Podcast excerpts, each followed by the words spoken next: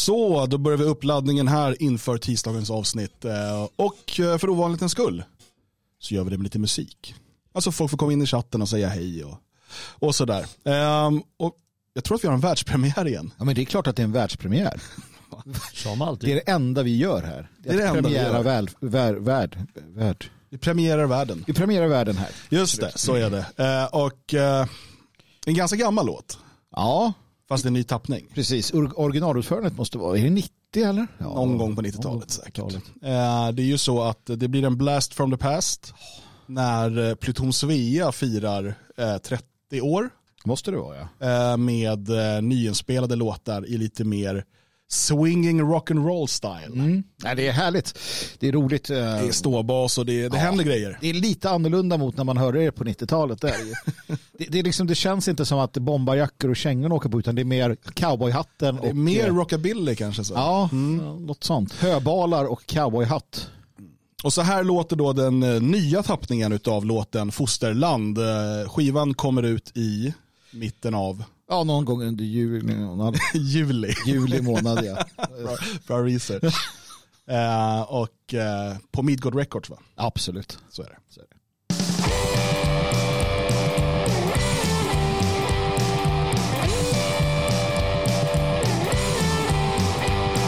Sverige ska krossas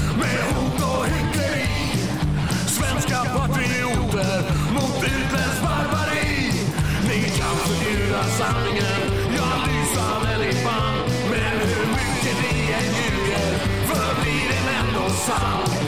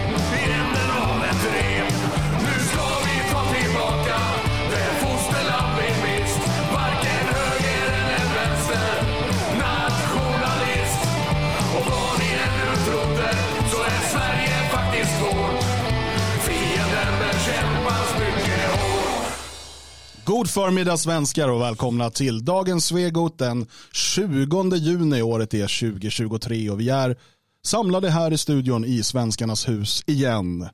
Det är bara tre avsnitt kvar den här säsongen. Har ni börjat känna någon sån här uh, sorg redan? Har ni börjat, börjat processa den? Ja, igår. Igår kände jag att vi kommer vara helt irrelevanta snart. Om vi inte sänder om vi varje inte dag. hörs varje dag så Ja. är vi irrelevanta. Nej, men man blir lite beroende av det här. Ehm, Ja, herregud. Jag brukar alltid klaga på att jag aldrig får sova. I natt kunde jag inte sova för att jag, jag grät hela natten. För att det snart är, är slut med dagliga sänd, sändningarna. Kan det inte också vara för att det är ljust hela natten som du inte kan sova? Och att du har fåglar som flyger runt i din säng. Men vadå? Som jävla Askungen. kan, man, kan man sova inomhus i ett mörkt Testa rum? det. Testa det. Åh, fan, ja. Jag ska prova. Ja. Ehm, Själv då? Du som står här och rattar. Jo, då, jag, jag, jag har panikångest över att vi inte ska sända varje dag. Vad gör man? Vad gör folk som inte har dagliga sändningar? Så här? Jag vet inte. Det ska bli kul att se vad de håller på med där ute. Ja, precis. Jag, jag försökte eh, leda in Jalle här på Ja, du undrar att man ska fira midsommar? just det, Ja, för ja, ja. det ju, ligger ju väldigt nära sommarsolståndet och sådär. Mm. Vilket är imorgon, 21 juni, Ja, eh, säger man väl sommarsolståndet. ja, jag tror Ehm. den klassiska fi, eh, högtiden är 23 juni. Det är det som brukar vara... Det är ju en eh, väldigt tydligt vetenskaplig, eh, alltså sommarsolståndet Ja, är ju ja, jag- exakt. är ju- ja, så jag att vet det. era Ja. hittar på, det är ju klockan då och då. Nej, men då, då. att det är 23... Jag ska ta reda på detta medan vi ja, pratar. Mm. Ta reda på det för guds skull när det är. Ja, men det är klart det är 21, mellan 21 och 22. Eh, nej, 23 juni det är väl Johannes döparens dag. Precis. Och eh, det firar de ju fortfarande i Norge och Danmark som Sankt Hans afton. Och det är också sista dagen man får äta vit sparris i Tyskland. Alltså, är det? Efter det så ska man inte äta det längre. Jaha, vad får man äta då? Eh, Grön, sparris? grön sparris. Nej men du vet den här vita Ja, sparrisen vet som det. tyskarna älskar, som också är Ja. väldigt god. Och det är ju den här spar... Jo det är det. Grön sparris är väl goda? Sparrissäsongen och den är fram till Johannes döparen. Dan är ju lite av vår nestor inom esoteriska och magiska spörsmål. Jaha. Eh, vilket visar att eh, det här visar det, eftersom du hade rätt. Ja. Ja, du, Jag har också hann- en kalender hemma där det står. Du hann inte säga det hela nämligen. Imorgon eh, år 2023, alltså den 21 juni, klockan 16.57 eh, så infaller då eh, riktningsändring. Eh, då är det officiellt sommarsolstånd. Ja. Så att det är då vi firar. Midsommar är en sentida hittepå som vi måste bildstorma mot.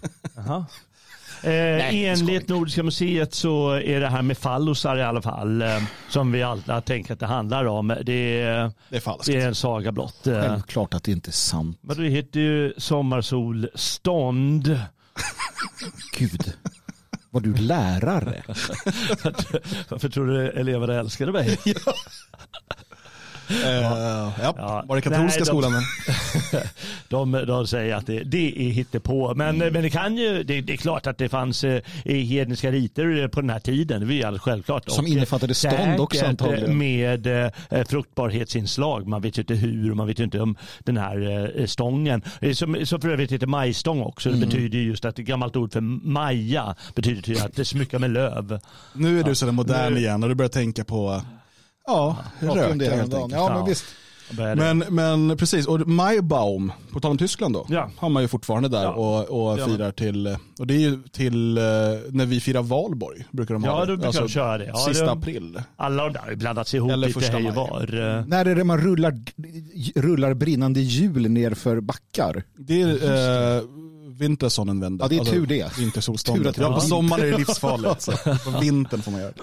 Men nyligen så hade man ju ostrullning i eh, tävlingen gick av stapeln i Storbritannien, i den lilla staden, vad det nu heter.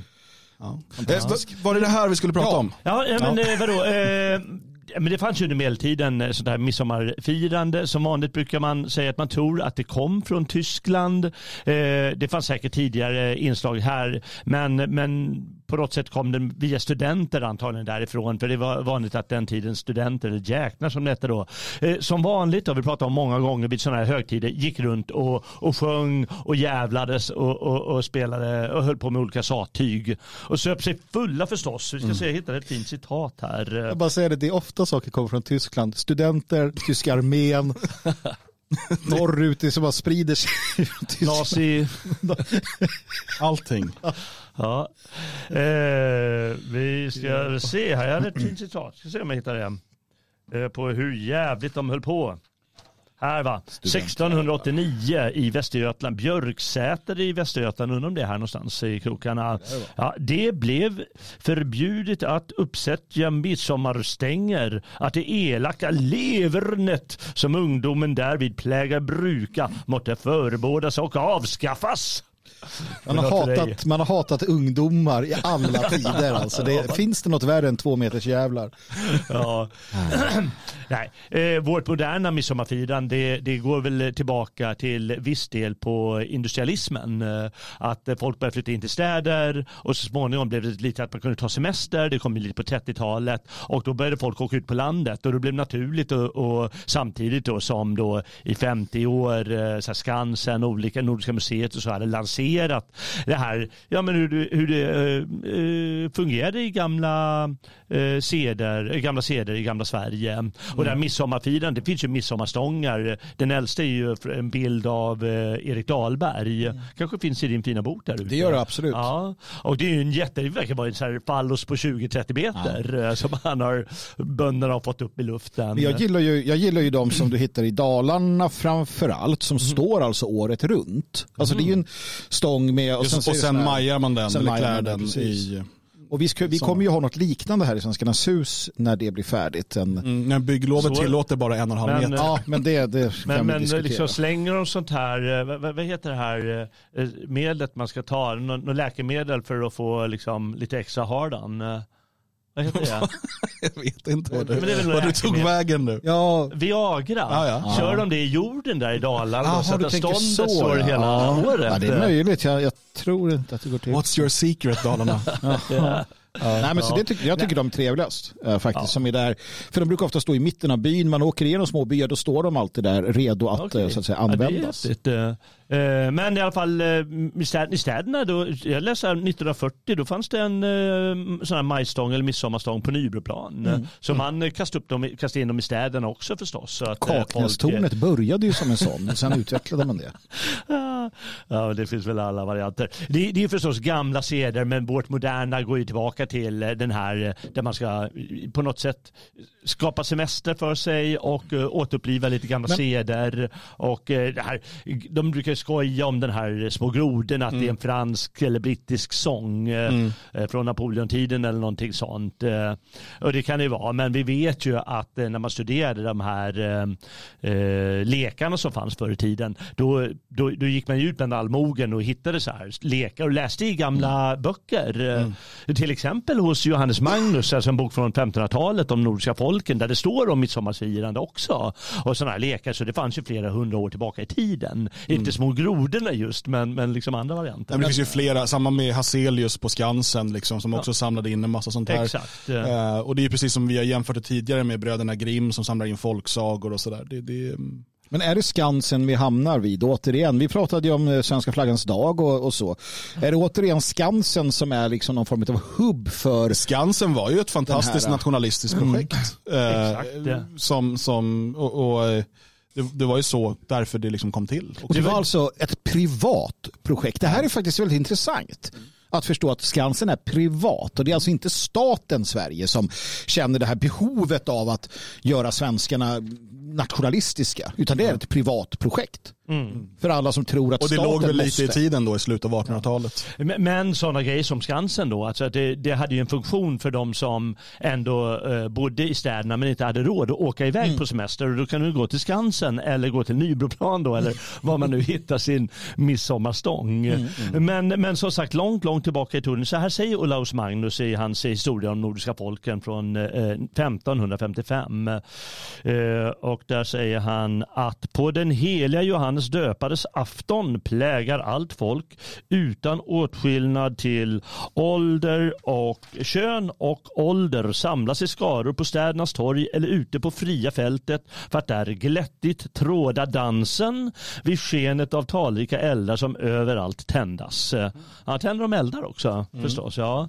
Och om, jag tror att om man vill fira det här med lite så här hednisk eller nyhednisk känsla, då ska man åka till typ Litauen eller sånt. Ja. De är ju väldigt haja på det i Baltikum och, och i vissa delar av Polen och så också. Är det inte där vackra eh, kvinnor går och ställer saker i sjöar som lyser upp och sådär i de länderna? Ja, det är någonstans i Baltikum, jag är osäker. Och är det inte dina vänner framför allt, men också lite mina, i Artgemeinschaft som hoppar genom eldar? Jo, jag har firat midsommar med, med, dem- med. Artgemeinschaft en gång. Du måste ha typ, du måste ha typ kortbyxor och hoppa genom eld. Ja.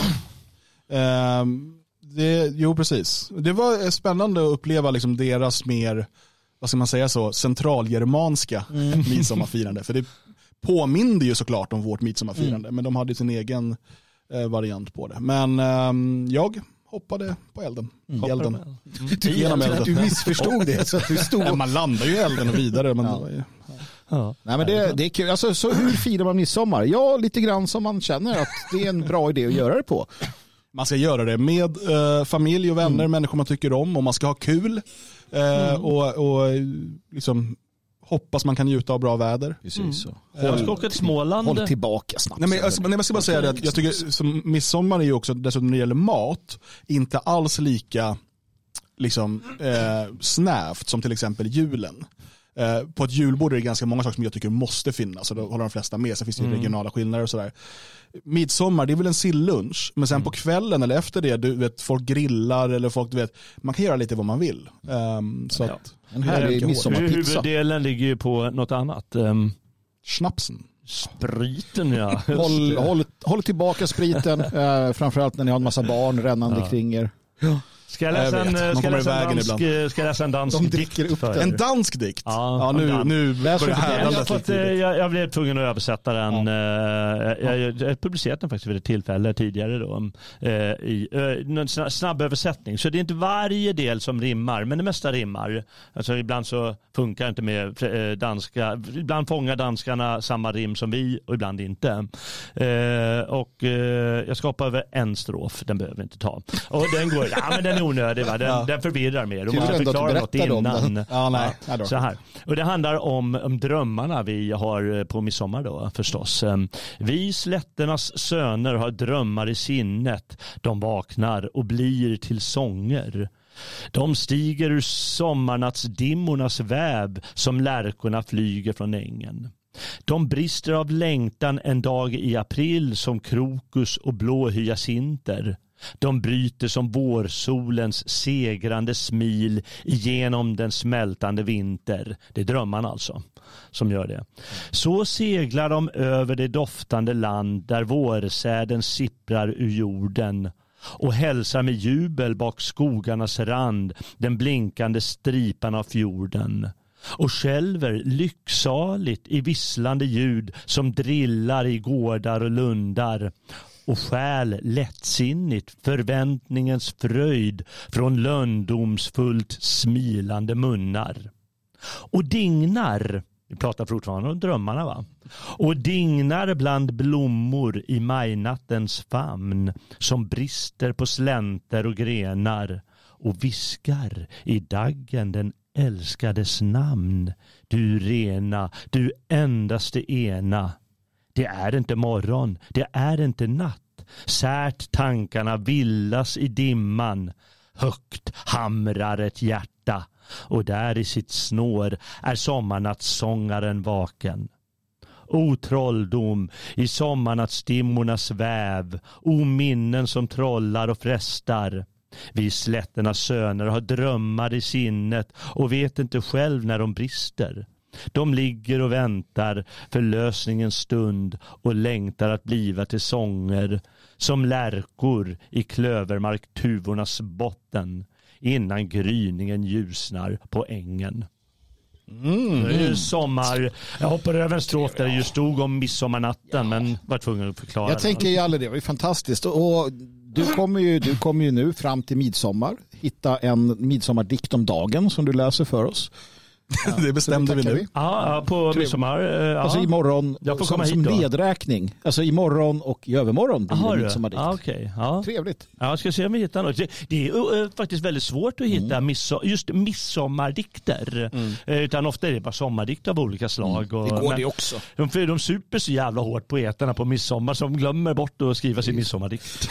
Men vi räknar ner med dikter till midsommar. Det gör vi och vi räknar ner till vår sommarfest den 5 augusti. Om du inte har bokat plats än så är det dags att göra det inne på detfriasverige.se.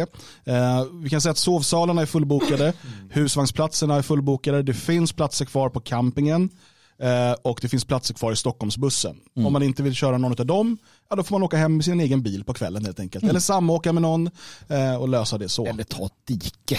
Ja, det kan också funka. bra.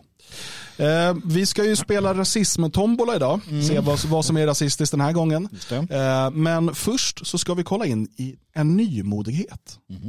Det är nämligen så att eh, Twitter lanserade en ny funktion häromdagen. Och vi var snabbt på det och skapade en så kallad Twittergrupp eller Twitter-community. Jag är väldigt osäker på om det här är en funktion som kommer flyga. Jag förstår inte riktigt meningen med det, om jag ska vara ärlig. Nej. Men det finns nu en dag, Dagens Svegot-grupp eh, där man kan gå med om man är lyssnare eh, eller tittare eh, och vara med och diskutera, eh, komma med förslag på vad vi ska prata om och så vidare. Eh, om man ändå använder Twitter så kan man vara där inne. Eh, vi har hittills bara nekat Bilan Osman. Eh, alla andra har vi faktiskt släppt in i gruppen. Ehm, så att det, det är alltid något. Och jag tänkte att vi ska kolla vad folk har skrivit där ehm, sedan lanseringen här. Jag skrev nämligen igår, tre program kvar denna säsong, vad får vi absolut inte missa att prata om? Då skriver Torkraft här, Låter intressant men är det ens seriöst? Och så länkar han till Göteborgs-Posten som skriver Vikingasekten som byggt en avrättningsplats där de vill hänga politiker. Eh, och eh, varför skriver han det här till oss? Jo, för att det här är våra grannar. Ehm, typ, de är Ja. i Hova här, inte långt härifrån. Eh, och det finns på riktigt alltså. Så, så kan vi konstatera. Om det är seriöst, ja, det, för dem är det seriöst. Ehm, jag vet inte hur man ska utveckla det mer. Som sagt, de bor väldigt nära oss så vi är lite försiktiga här. Ja, man vill ju inte hamna på fel, eh, fel lista. Va? Men, eh, jo, men så här är det. Jag tänker inte, jag tänker inte namndroppa en massa, men det, det stämmer att det här är på riktigt. Eh, personer som är inblandade i detta har Första gången jag stötte på vissa av dem var någon gång på 90-talet i Stockholm i en villa som då tillhörde eh, en, ett eh, ordenssällskap kanske eller en grupp eller en sån här eh, sådär, lite förening där. Där jag träffade då en ansenlig skara människor, eh, somliga som skrev böcker om eh, olika typer av konspirationer. Eh, kanske med estniskt påbrå. Eh, det fanns vaccinationshatare, eh, eh, lite sådana här eh, akademiker. Det fanns personer som menade att kärnvapen inte fungerar om det är dåligt väder. Vi hade också en, en person som sedermera gjorde sig känd inom Nationaldemokraterna och sedermera projekt lite fram och tillbaka. Han var där, väldigt militaristisk. Och SA, hette han det i, i eh, initialer? TP. Jaha, han ja. Han där också? Han var där. Eh, och jag och eh, Per Öberg. Ehm, I den var- här sekten? Ja, fast det var inte sekten.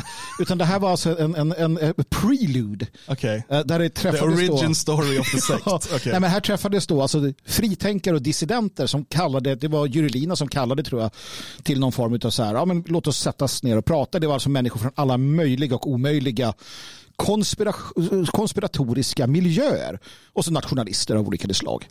Eh, Så det var en väldigt fascinerande samling och en av dem då, eller han som förestod den här lilla träffen, han har då också då dykt upp i det här sammanhanget 20-25 år senare um, med då operationsbas Hova Gullspång. Eh, eh, så det var väl lite, lite fascinerande helt enkelt. Han har varit med i tidningar och liknande också då. Och det här är på, på riktigt inom någon form av liksom Alltså så här, jag, jag, ja, jag vet inte vad jag ska säga. För att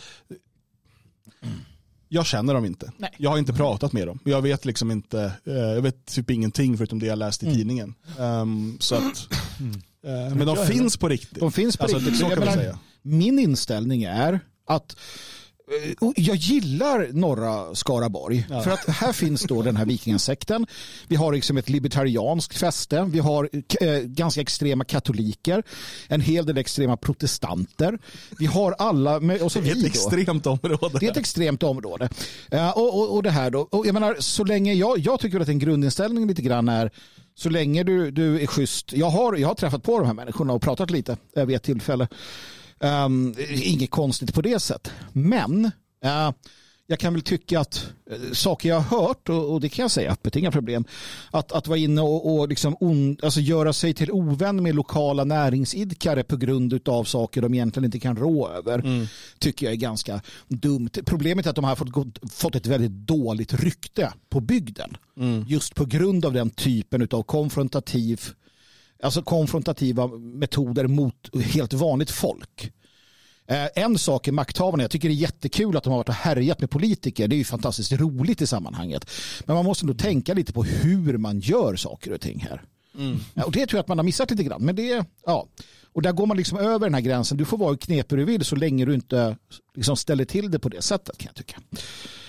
Så Jag vet inte, jag kanske blir uppsatt på bödens lista nu. Eh, Ja, nej men eh, jag vet inte. Jag, jag Kanske är det ett Sommar med Svegot-program när vi åker och besöker dem.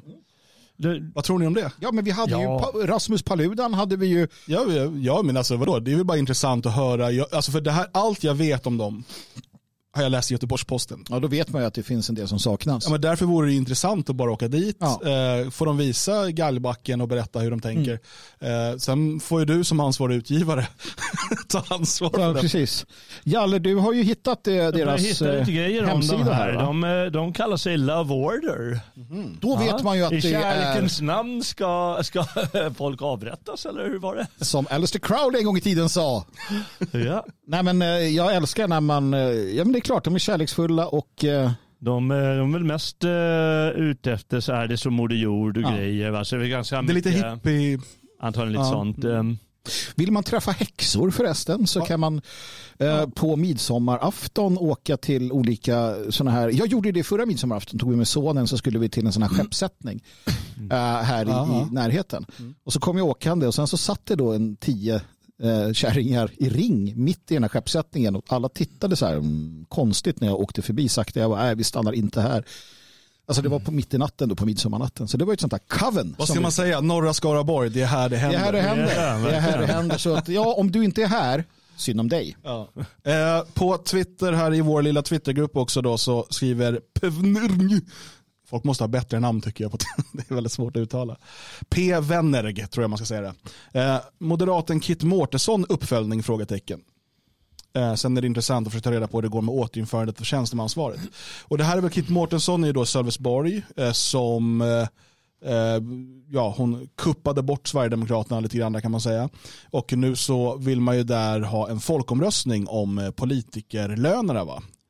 Eh, det är Just så, hennes lön. Ja, jo, det är klart att det är det det handlar om. Men det är också för att det var ju en ganska ful den dealen hon gjorde med sossarna där så att de skapade en kommunalrådspost till så att hon skulle kunna få Hon lön. och blev ju mutad i öppen dager, denna människa. Ja, Ja. men hon blev mutad. De, de köpte henne precis som sossarna alltid köper eh, röster och köper. Jag menar, kolla de köpte muslimerna. Kolla hur sossarna köpte muslimerna för 20 år sedan. De sa, 30. Va, men, rö- 30 år sedan, bara, rösta på oss så kommer vi ge er makt. Ja. Det, var, det står svart på vitt, underskrivet och klart. Så här lät det i alla fall i Sveriges Radio. Folkomröstningen och politikerarvodena i Sölvesborg ska bli av så fort som möjligt. Det var i förra veckan som SD i Sölvesborg meddelade att man nu fått in alla underskrifter som krävs för att få till en lokal folkomröstning. Birgit Birgersson Brorsson är socialdemokratiskt kommunalråd och preciserar när folkomröstningen kan ske. Jag gissar mellan tummen och pekfingret någon gång i början utav nästa år. Har ni någon gång funderat på att eh, sänka eh, vice ordföranden i kommunstyrelsen Kit Mårtenssons arvode bara för att slippa en folkomröstning? Nej, vi har inte överhuvudtaget funderat på det. Vi tycker att det här funkar bra och det här är ett demokratiskt taget beslut. Och eh, jag kan inte nog påpeka att den politiska organisationen idag faktiskt är billigare jämfört med Louise Erikssons eh, politiska organisation. Men Louise Eriksson skrev i Aftonbladet igår att ni mutat er till makt i Sölvesborg. Det var trams och jag bara kände att egentligen så skulle man ju polisanmäla det men det tjänar ju ingenting till. Ska ni driva någon kampanj nu för att vinna den här folkomröstningen? Vi jobbar inte så utan vi lämnar ju det här därhän. Reporter här var Niklas Eriksson, Matilda Lundqvist, P4 Blekinge. Det är lite roligt att hon säger att polisanmäla, precis som Magdalena Andersson ville polisanmäla Ja, vem var det nu då? Ah, Var det Halicic? Någon liberal, Hal- va? Halkic. Ehm, Halcic. Jag kommer inte ihåg. Men, men hur som helst, eh, ehm, nu- vill jag verkligen komma på vad hon hette. Det är hon eh, som, Soran Ismail. Gulan heter hon. Gulan ja. Gulan Avci. Gav Gulan Avci. Ehm, Just det. ville hon polisanmäla och nu säger hon att man borde polisanmäla henne. Det verkar vara liksom en ny, någon ny Det lärde idé. de sig hos Demokraterna. Så Ja, kanske. just det. Just det. Ja, nej, då tycker jag goda landet eh, har bättre principer. Här skriver ju Patrik Bergqvist också om någon tradition de har i Italien. eh, Att de sätter idiotpolitiker i en bur och dränker dem i floden. Eh, Det är tydligen bara ett jippo som dränks inte på riktigt. Men liksom, de har kvar traditionen, bara själva känslan att... eh, Ja, vi en pratar om det här med kärr och fjädrar. Men det, det intressanta med allt det här det är att det där kommer någonstans ifrån. Jag menar, du har myten om, och jag vet inte om det är sant eller inte, att hövdingen offrades. Eh, om, det blev, alltså, om det under för lång tid var dåligt så offrade man hövdingen. Snacka om makt under ansvar.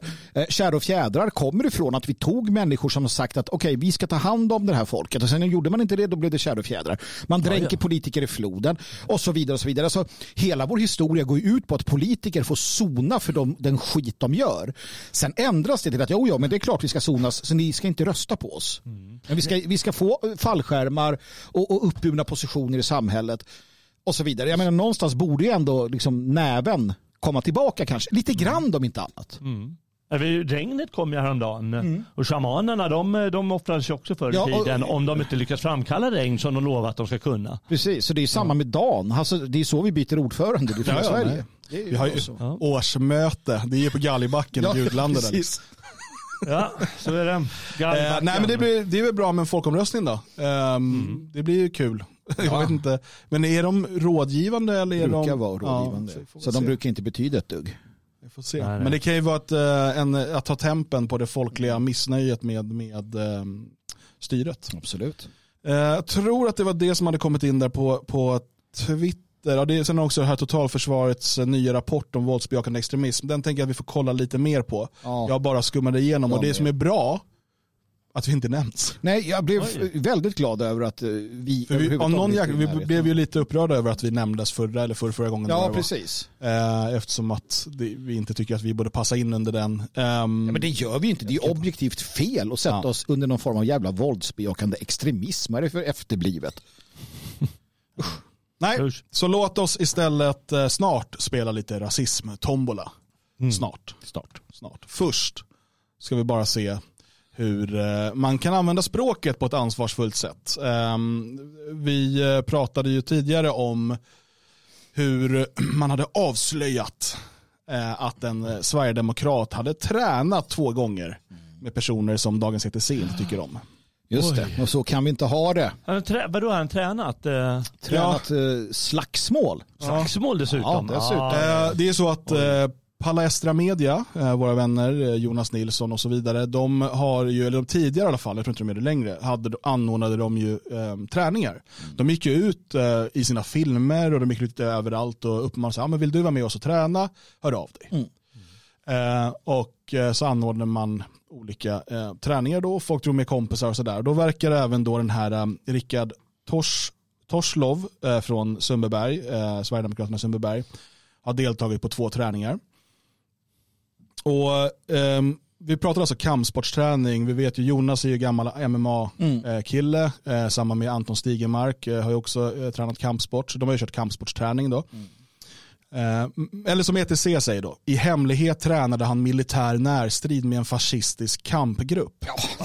Det är ju så dumt. Militär närstrid med en fascistisk kamp. Jag, jag hade inte klarat av att vara så här propagandistisk i mitt skrivande. Fy fan vad vad tröttsamt vara, alltså. alltså. Vad ska vi hitta på här då? Har de, har de liksom uppslagsverk för det där? Sanningen är så att ja, vi är några stycken som, som tycker lite likartat och vi kanske inte tycker det är så jävla kul i klubbar där det är liksom jättemycket utlänningar. För det är mycket utlänningar som tränar MMA. Och man tänker vi vill göra det där vi kan göra det tillsammans, liksom, känns bättre. Det är vad det handlar om. Det, det är bara det det handlar Jag vet ju att det är det det handlar om. Jag känner ju de här människorna. Militär närstrid i... Men vadå, kolla, det är som Jonas Nilsson, han blev ju liksom, fick ju inte vara med i landslaget. Nej. På grund av hans politiska åsikter. Varför ska man då gå till klubbar som behandlar den på det sättet? precis. Då startar man ju sin egen klubb och så säger man då tränar vi här. Om man liksom blir utesluten på grund av ens politiska åsikter. Nej, jag tror att- Men då är det så här, nej, men när svenskar då kommer samman och tränar ihop, då är det en fascistisk kampgrupp och bla bla bla bla. bla. Ja. Jag tror att det finns någon, någon patologi i det här. Alltså vänsterkillar är så jävla kackade. Så att han den här Egil eller vad han heter och sånt som eh, Röstlund och de, de är sådana jävla hanrejar själva i sitt privatliv. Att de någonstans tycker ändå är självklart att även om, den här, även om landslaget beter sig så, så ska du med mössan i hand gå och liksom underställa dig det. För de är sådana i allt. De underställer, sig, de underställer sig systemet, de underställer sig liksom hela det där. Eh, Och, och går där med mössan i hand, som sagt, PKismen och allting, den gör ju någonting, den snöper ju dig. Ja, den tar ju bort bollarna på dig, så de här är bollösa. Och, och när de då träffar på människor som inte är det, Mm. då vet de inte hur de ska hantera så då är det fascistiska kampgrupper, för det finns liksom Bra inte sagt. naturligt i deras värld. Jag tror att det kan vara ETC så. tar väl emot eh, pressstöd bland annat? Det, det är hela deras affärsidé. Ja. Hela Ehrenbergs affärsidé är att skapa massa olika editioner för att maximera pressstödet. Sen kunde man få eh, statligt stöd för solceller. Då startade han en sol, solcellsföretag. Han lever ju på, han är ju, han är ju liksom kanske transferiatets posterboy. Han, han bara lever på, på liksom skattepengar. Bara, äh, kasta dem på mig. Han, han, hade ju, Bollös. men han, det är ju så, han hade ju blomstrat i Sovjet. Så, som en sån här, du vet. Ja.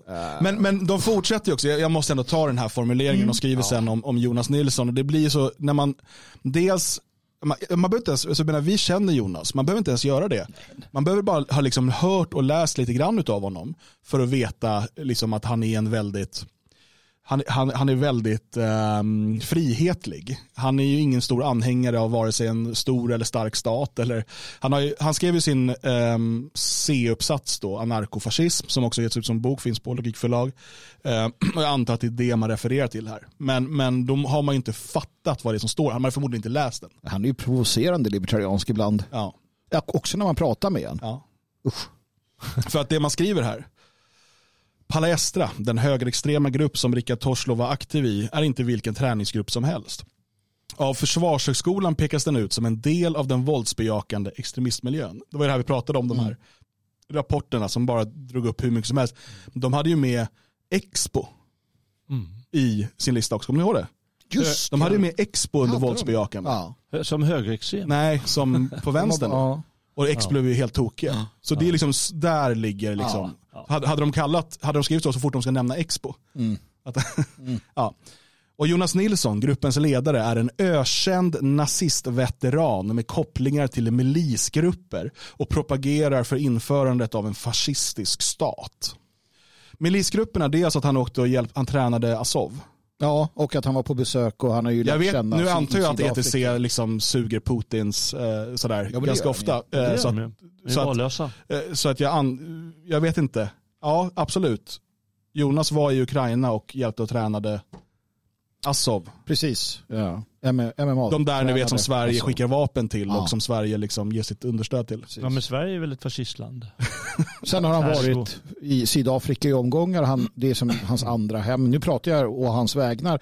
Men där han också då känner människor som på olika sätt och vis är inblandade i eh, självförsvarsgrupper för vita farmar och liknande. Just det. Ja, sådana som blir massmördade i Sydafrika av svarta terrorister. Mm.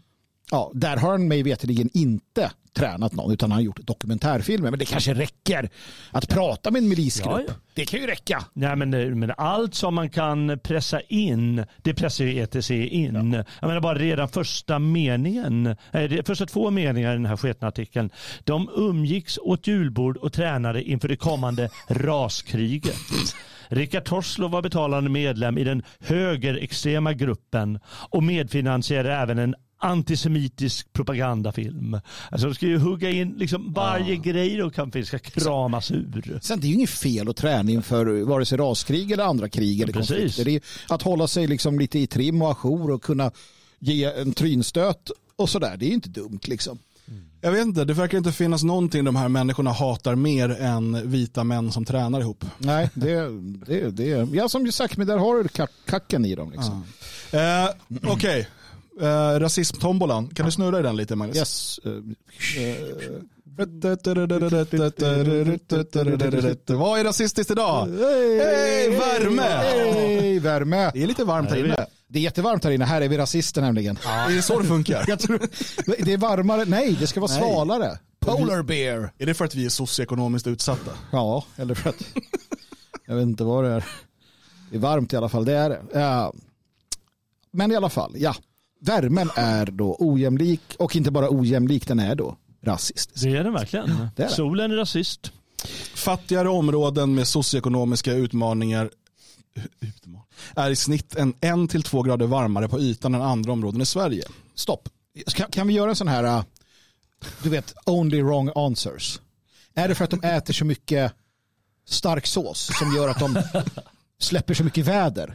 Att det värms upp sakteliga? Ja, Det kan vara det var bara fel svar. Kan det vara att man hellre hyr BMW muskelbilar och bor tio stycken i en etta än att ha ett drägligt liv? Kan det vara att man har väldigt mycket kläder på sig hela tiden? Att det är varmt. Adidas släpper inte in kyla. Okej, eh, till- eller det det handlar om det är ju att mer tätbebyggda områden, de tar ju upp det här, eh, mer tätbebyggda områden blir varmare. Va? Skojar du? Nej. Kan, kan, kan det också vara så att eh, där det finns mer betong och sånt, eh, Nej. att det heter det? Nej. Nej, nej, rasism ska det vara. Det är rasism. Ja, Fast- ja, men det. Ja, men det, det står ju bara mellan raderna att det är rasism. Jo. Men, men liksom, det är ju... Samtidigt svalnar glesa områden snabbare under nattetid, vilket är viktigt för hälsan. Fy fan vad dum i huvudet de är. Fredrik har annars en bra idé här i chatten. Jag tror att de tar med sig värmen, precis som sin kultur från hemlandet. Det är så det funkar. Men Fredrik Lindberg, forskare i stadsklimatologi på Göteborgs universitet, visar oss skillnaderna mellan västra Rambergsstadion och östra Kvillebäcken i Göteborg. Right. Och förklarar hur viktigt grönska är för att hålla nere temperaturen. Men alltså, det här är väl inget, är det någon som är liksom överraskad? Eller jag förstår inte, vad är nyheten? Alltså, det, det som är sinnessjukt här, ärligt talat, Ja. det, är ju inte, det är ju inte att städer är varmare eller att den här typen av betonggetton är varmare, så, för det vet vi ju. Ja. Utan det är att man pratar på det här sättet, den ojämlika värmen.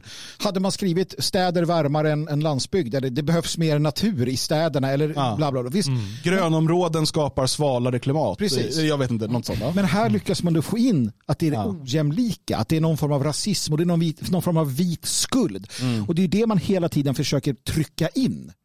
Eh, Och vi måste pusha tillbaka på såklart. För det är ju vansinnigt att, att formulera sig så här. Ja, men vi, vi, vi tar ju alla invandrare och så placerar vi dem i de här områdena. Det är så det funkar. Och så ser vi till att det är extra hett där. Vi har byggt betong va, med flit under miljonprogrammen och så vidare. Och så placerar vi dem. Det, men det är väl så, Det är så här, sven, istället för kinesisk vattentortyr så är det svensk värmetortyr. Och när man märker den knappt, den är en grad varmare i genomsnitt. Ja. Men det är som en så här långsam tortyr. Du, på flera hundra år är den fan fyra grader varmare. Men jag skulle också säga att eh, om man jämför med de länder de här människorna kommer ifrån i de Ja. områdena Ja. så är det ganska kallt. Ja, precis. Vad är problemet? Ja det är det ju. Alltså, de borde ju vara extra lämpade. Ja, men, jag vet, det här, men det här är ju bara så typiskt. Man, man måste trycka in, eh, man har någon vetenskaplig rapport som måste tryckas in i ett politiskt narrativ. För att liksom, och, och, och så eh, publicera på det här sättet. Och det blir liksom bara, bara larvigt. Jag minns eh, när jag flyttade till Berlin, vilken chock jag fick över hur varmt det var. Eh, Det var 2009. Mm. Det var en supervarm sommar. Eh, det var 35, 36, 37 grader flera dagar i rad. Eh, och jag eh, hade inte hittat en lägenheten. Så jag bodde på kontoret. Eh, hade en madrass som jag rullade, gömde i en garderob sen när de anställda kom. Ehm, och det fanns ingen AC där. Och man liksom för att klara det där så gick man ju och ställde sig i butiker. Och så här, alltså, jag hatade att gå runt i stan med asfalt och betong och du vet den här värmen som bara stiger från det där. Ehm, men jag tror inte att det var för att jag var socioekonomiskt utsatt. Nej, jag, vill, jag vill fråga. Jag tror att det var för att jag bodde i en stad med fem miljoner invånare. jag ser här att Alltså femman här, områden med mycket goda socioekonomiska förutsättningar 27 grader och sen så är det områden med stora så så är det 29 grader. Jag tänker Manhattan eller New York, om så här Harlem, Bronx, Manhattan. På Manhattan är de rika som fan Ja. och Bronx är lite sämre eller? Är det kallare Genom, är det kallare i stadsdelar i storstäder också? Annars faller ju den socioekonomiska biten. Ja, för, att, nej, för det är inte det det handlar om, utan det handlar ju om hur tätbebyggt det är och hur mycket grönområden det finns. Och, och det är ju tätbebyggt överallt i New York. Mm. Och då borde det vara mycket svalare där de rika. Men jag tänker att eh, Elgarås, det är ett ganska socioekonomiskt utsatt ja, område. otroligt. Det finns eh, ganska hög arbetslöshet, det finns liksom, de som arbetar är ofta lågavlönade. Ja. Eh, och eh, liksom, det finns en del misär och så vidare. Här är det då varmare här än vad det är till exempel i, Mariestad. än vad det är i Östermalm. Ja, det är det. Alltid. Det är det ju inte. Nej, för de det är inte, ljuger ju ja, men alltså. Korrelationen är ju inte, alltså, eller kausaliteten ligger inte Men han, däremellan. det står ju socioekonomiska utmaningar. Han, an- de använder ju begreppet socioekonomiska över hela liksom, Ja, ja, men det är artikeln. väl det som är grejen. Det är att de det ska som är- trycka på Ja. folk här. Va? Nu ska folk... Vad är det för jävla begrepp för övrigt? Områden med stora socioekonomiska utmaningar. Jävla skit. Liksom. Det är en ny grej. Det har jag aldrig sett tidigare. Nej, det- Utan nu är det en utmaning och det betyder att man ska ägna all, alla, äh, hela statskassan Snart åt kommer någon sån där uh, högstadiefilosof och säger att på Mm. kinesiska är det samma tecken för utmaning och möjlighet. Mm. Ja. Äh, det är den vanliga propagandan. Okej, värmen är rasistisk. Ja. Eh, Kan du dra igång tombolan igen då? Kom igen nu, lite entusiasm i det. Kom igen. BMI. Det har jag alltid. Jag är utsatt. Jag är, jag är utsatt för rasism. American Medical Association claims BMI is racist and should not be used due to its origin in 19th century white body standards. Det finns många skäl att skita i BMI. Det gör det. Ja. Men just att det skulle vara rasism vet jag Ja, inte. ja, ja, ja, ja, nu ska jag eh, ta ställning för detta. Eller inte att det är rasism, det är väl kanske fel begrepp för det. Men det är ju det det handlar om. Vad ska du ta ställning för? Pizza är gott. För att mitt BMI är felräknat. Ja. Jag har egentligen nytt för fan. 23. Nej, men, men det jag menar är om vi, om vi menar att det finns biologiska skillnader mellan olika etniska grupper eller raser och BMI beräknat efter vita eh, europeer så är det kanske inte, kanske inte samma BMI-skala ska användas för alla andra folk. Utan att det finns andra, liksom, då kanske skalan skulle se lite annorlunda ut. Men Det är, väl där- inte, det är väl inte orimligt, precis som att vi vet inom medicin att det finns vissa mediciner som måste anpassas, eh, vitaminupptag, det finns ju massa av syreupptagning, det finns massa olika saker som kan skilja mellan olika, eh, olika raser eller etniska grupper. Men, men Då är det väl inte, alltså att ha BMI som standard också för typ subsahariska Afrika eller sådär. Det kanske är fel. Jag vet inte. Det är väl inte orimligt att man skulle kunna ha en lite annan skala. Men självklart inte. Och jag tror att någonstans i början när det här hittas på så, så tror jag att man var ganska medveten om, om just det. Att man kanske tittar olika. Problemet är att mycket av vetenskapen byggde ju på rasskillnader. Sen så kom det in en idé, så kom det in idéer om att det inte fanns någon skillnad på raser så appliceras allt rakt över. Det är samma med IQ-tester och liknande. Det är fullständigt vansinnigt som man gör idag. Vilket, vilket har fått till följd av att man, alltså om du inte vågar se de skillnaderna i, i kroppskonst, alltså hur kroppen är, är, fungerar och hur kroppen är beskaffad och intelligens och liknande så blir det ju bara kaos. Så att på det sättet har de ju rätt. Ja, men är det inte annorlunda, är det inte konstigare än att eh, om man går till läkaren till exempel och säger han, ja du har det här BMI, men jag menar, det är ju inte så allvarligt eh, det där BMI-måttet. Eh, behöver inte tänka på, du kanske ska ta det här som eh, mått istället. Det är väl inte svårare än så, det är, det är väl så det funkar med, med allting. Nej, och- jag menar, ja. alla tål ju olika saker mer eller mindre bra. Du kanske har eh, eh, värsta vet du, försvaret mot sjukdomar och Just så. det, det har jag. Ja, minsann.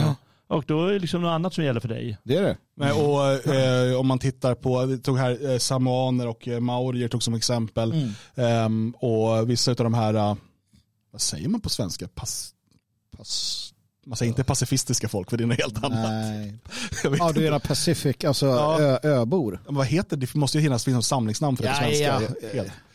Öbor.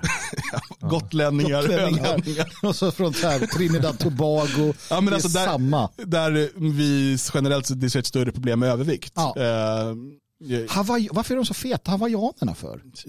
kanske för de inte är det. Eller så de är det, men det kanske bara är... Är jag hawaiian? Du är ju för fan inuit. Ja, ni- Ja, ja, ja, ja. ja. Jag är hawaiian. Är jag då? Polynesiska folk. Polynes, ja. Du, ja men du är ju, Ja. du är grek. Ja, det, är- det är jag som, eh, jag som håller måttet här inne. Du är arier, den enda Det är jag arien som i håller församlingen. måttet, mina vänner. Gud vad du drog in magen Jag där. har aldrig sett han dra in den Det så gör man när mycket. man ställer sig på eh, tår. Men, eh, nej, men det löjliga är givetvis att eh, det är så här American Medical So- Association, att de ska ändra sina stadgar och, och kalla det rasistiskt och, och därför måste vi ändra och så vidare. Det har vi sett tusen gånger hur alla måste ändra, ändra, ändra i det de kallar woke, eh, wokens namn. Ja, är det någon Ja, men det är just så här, jag vet inte jag om det här är från, den här rubriken är från Gateway Pundit, om det är de som använder begreppet rasist. Ja, Det, är kanske säkert. inte ens står det i originaltexten. Nej, nej, men det kan väl tänka sig att media, ja, ja, ja precis, Gateway Pundit också. Men visst, alltså, det, det är ju ändå det, är ändå det man... Men Jo, i och någonstans, för sig, det står att eh, så här, with roots in racist exclusion and historical harm. men, men jag är ju för det. Alltså, jag är ju för, alltså, inte Du för historical harm, ja. Nej, men jag är ju för att att man tittar på människor på olika sätt. Alltså när det kommer till medicin och allting. Om vi inte gör det så kommer det bli lidande. Jag vill inte se ett mänskligt lidande. Svarta människor behöver en viss typ av föda, vård, kost, vitaminer etc. Vita behöver en. Indianer och inuiter och fan och hans moster. Ibland så är vi lika men ibland och ganska ofta är vi jävligt olika. Om allting utgår från en standard, den må vara vit eller svart eller gul eller grön så kommer alla andra lida. Och varför ska alla behöva lida? Istället för att säga att du är svart, du är gul, du är vit och ni fan tar mig olika och så här ska du göra för att må bra. Vad, vad är problemet? Nej. Jo, de hatar oss Michael. De hatar oss. De vill att andra ska lida. Nej, nej, du miss... Ja, de som eh, gjorde det innan. Nej, men här, American Medical Association, de står ju för den... De, Ja, men nu gjorde jag Biden, jag är ledsen. Jag ska försöka göra det bättre. The American Medical Association, de står ju för den goda rasismen. Eller hur? De står ju för det. Precis. Ja. Där vissa skadar. människor ska mätas på ett, annat, på ett sätt och andra på ett Kan annat sätt. eh, du dra igång tombolan igen Magnus? Med entusiasm Nej, men den här jag gillar gången. inte sånt där. Kom igen, snurra den. Så, dra ut någonting. Kolla vad som är rasism nu. Hey! Hår. Hår. Ja, men det här har jag varit inne på tidigare. Svarta kvinnor i Sverige var jättearga över att det inte fanns hår. Shampoo, balsam Ja. etc. för deras hår. För att du har tagit fram fel artikel. Nej, det har jag inte alls. Jag har håret här. Han hade Sunak istället. Inte. Ja, nej, men det här är intressant för att det visar sig då att svarta fotomodeller och svarta andra typer av kvinnor som, och kanske också män som gör saker med sitt hår ofta måste göra det själva. För att saker med sitt hår. För att eh, sminköser och hårstylister på de stora modehusen inte kan hantera deras textur. Eh, svintoliknande enligt vissa. Eh, strävt, eh, sådär svart hår. Av no alltså, så här då. Svarta människors hår är annorlunda från vita människors hår. Det är därför det finns afrofrisörer och så vidare. Ja, så att det skiljer sig lite då. Alla var visst inte lika där heller kanske. Då. Jag har, eh, Och om någon anledning så i väst som har varit en majoritet vita under enormt lång tid har man liksom inte hunnit ikapp det faktum att det ska vara jättemycket svarta i det. Så att det ligger lite efter. Ja. Och det är ett stort, stort problem. Ja, jag, jag minns ett tv-program och eh, peruker görs eh, gärna, om det är riktiga peruker antar jag, av hår från de som har det bästa håret av alla. Inuiterna. Ja, jag tänkte just dem också. Det var sicilianarna. Sicilianerna. Ja, så det betyder väl att det är väl inte liksom folk här uppe i norr då som är normen utan också så- sicilianarna som är hårnormen egentligen. Inte det maffian som har eh, gått in i hårbranschen tro. Ja, Camorran som ja, säljer hår. Nej, men väldigt starkt och kraftigt hår. Ni trodde att det var liksom drog och vapenhandel de kontrollerade. Det är perukhandel. Ja. Stort. Det, det är återigen att de eh, måste hitta, hitta problem där de inte finns. De Men sen, visst, jag kan förstå att det är irriterande om du är eh, fotomodell och svart och så här, ingen kan ditt jävla hår. Det är väl klart att det är irriterande, men är Jo. det liksom... Nej men det är, det är inte konst. Men det, och det är ju det här som man måste förstå. Återigen, Sverige går från ett av världens mest homogena länder till ett av Europas mest mångetniska och mångkulturella länder på liksom, ja, 50 år har det pågått men det är ju framförallt de senaste 25 åren som det har intensifierats. Och de, de krav man ställer på att liksom allt ska bara liksom vara anpassat efter den verkligheten. Ehm, det, det, det blir ju, man kan lätt uppfatta det som gnälligt. Liksom. Ja. Ja. Jag, jag, men det är som när vi, vi pratade om det här med språk och tolkhjälp. När jag flyttade till, eh, ja, men till Tyskland, eh, jag kunde knappt ett ord tyska. Jag fick ingen tolkhjälp Nej. när jag skulle till myndigheten. När jag skulle liksom registrera. Nej, det var ju bara staka sig fram. Eh, Litauen. det, det kan jag säga, det var kul. Jag lärde mig bara skrik högre än dem så vinner du. Det, är liksom, det, var där, det var där det var. Um, danskan gick ju okej, det, kunde, det förstår jag åtminstone. Nej, jag, Men, men jag det, det är väl bara, jag, jag förstår inte det här man hela tiden ska ställa krav på att allt ska anpassas. Nu är, Ja, jag vet inte. Ja, men då, då har du den inställningen, det är i grunden en gnällig inställning. Jag hade tolkhjälp när jag flyttade till Tyskland. Jag hade tolkhjälp ungefär en vecka. Sen var det en dag, jag var helt oförberedd på detta. Vi skulle handla på Steinecke som vanligt, en trevlig frukost. Och Dan skulle då handla, så han var där framme, så beställde han, sen bara drog han. Ja, det, är Och som jag man, stod där. det är som att kasta ut ungen i Ja, vattnet. verkligen. Jag stod där och hon bara, ja, och jag bara, eh, fan så bara bråt. Eh, och så skink, skinken. Och så bara, fan, är det tecknet för ja, men, ja, men jag, det var så här, så petar och jag, så där, det var så jag gjorde. Så gjorde jag sen alltid. Du ska se när jag pratar tyska. Det är liksom mycket peka och, och röra. Ja, det gick alldeles utmärkt. Sen dess så, så klarade jag mig. Jag kunde till och med ringa banken och så bara, hallå, Men hur gjorde du med teckenspråket? Ja, men det gjorde jag i alla fall. Liksom. Fan, det gick till sist. Ja. Ja, för det gjorde du också på Deutsche Bank när jag hade problem. Du gick med in, sen bara sprang du iväg. Men, det är jättebra. enda sättet Det är folk så lär sig. Ja, ja, visst, Ja. visst. Ja. Nu för tiden de kör de lipning alltså. För det, de visar ju en film i den här fantastiska SVT. Precis, så vi kollar på det, det- på klippet. Låt oss titta. Lipning eller vadå? Hårtyp 4B4C och textur är, är det vågigt? Lockigt, krulligt, bra.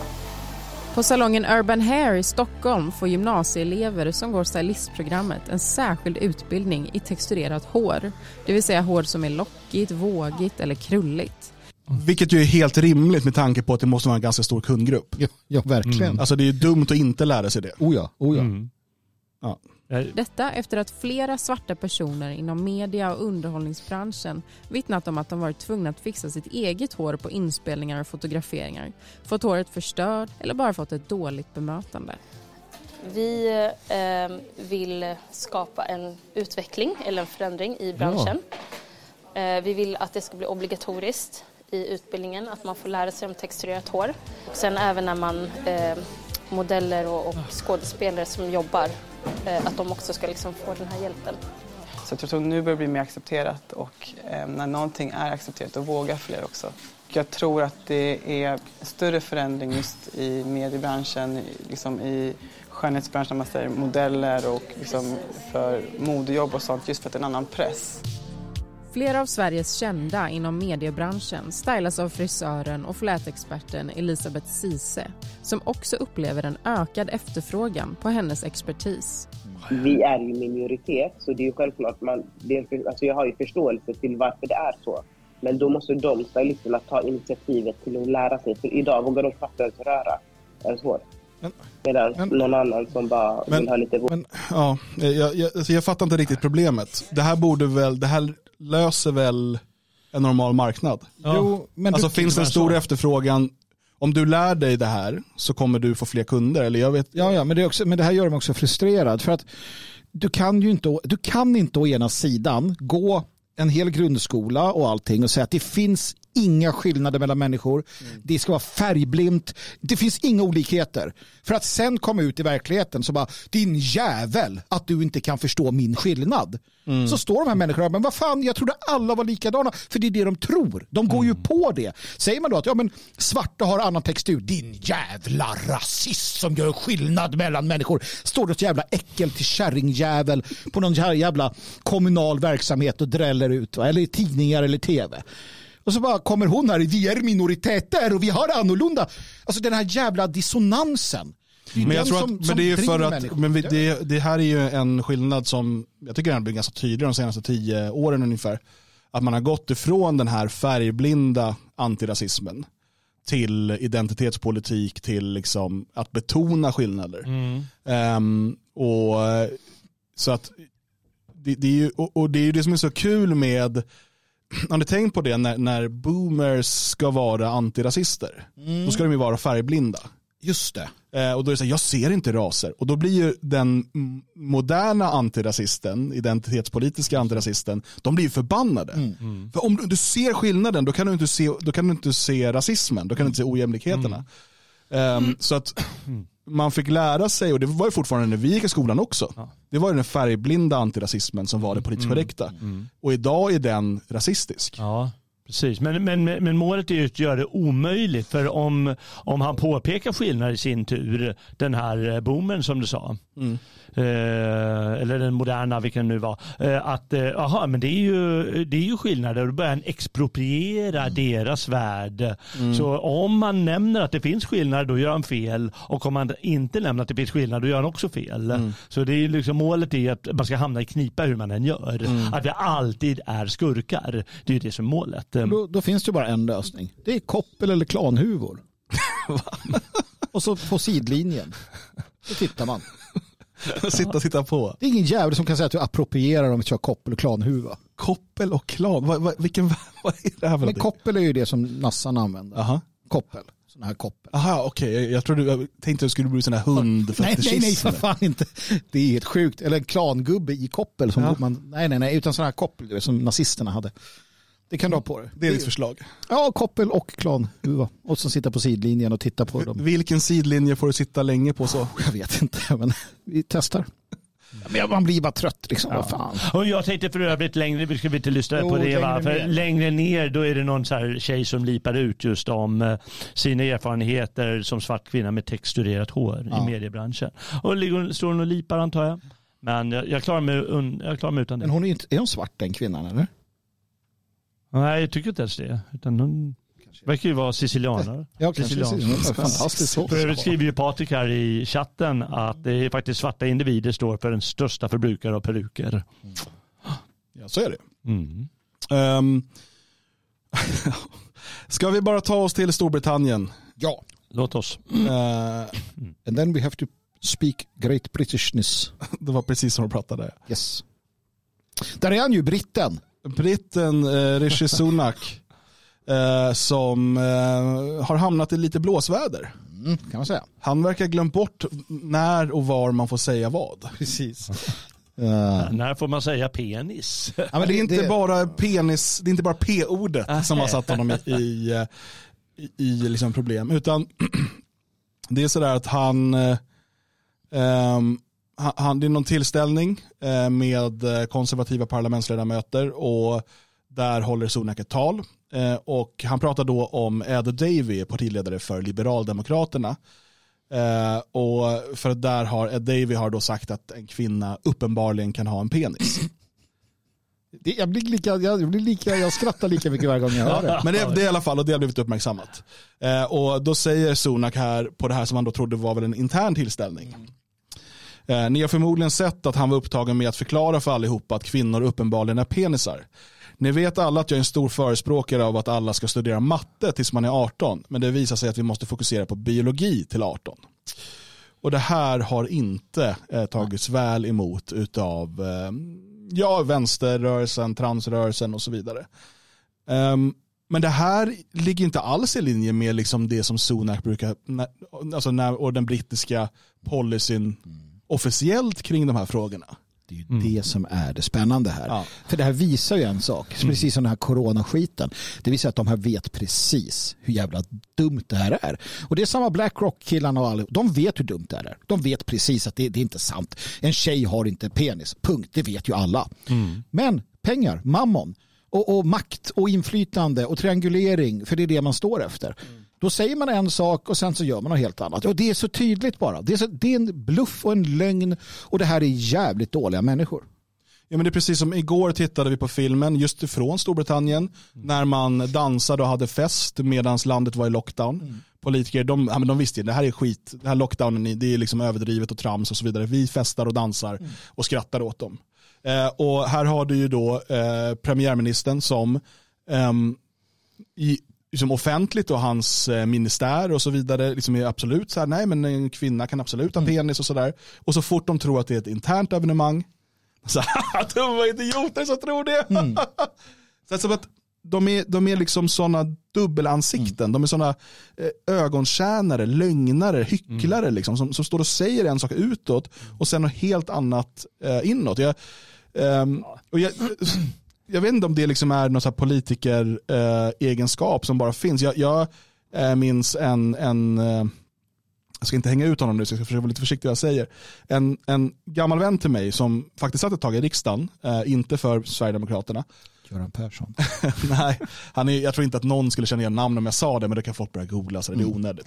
Men i privata sammanhang så var han väldigt invandringskritisk, Mm. jag skulle säga rasistisk i, sitt, i sitt språkbruk så att säga. Eh, Men han stod i Sveriges riksdag och pratade om en solidarisk flyktingpolitik och så vidare. Och, och liksom för ett av partierna som, som har, för en mer liberal invandringspolitik.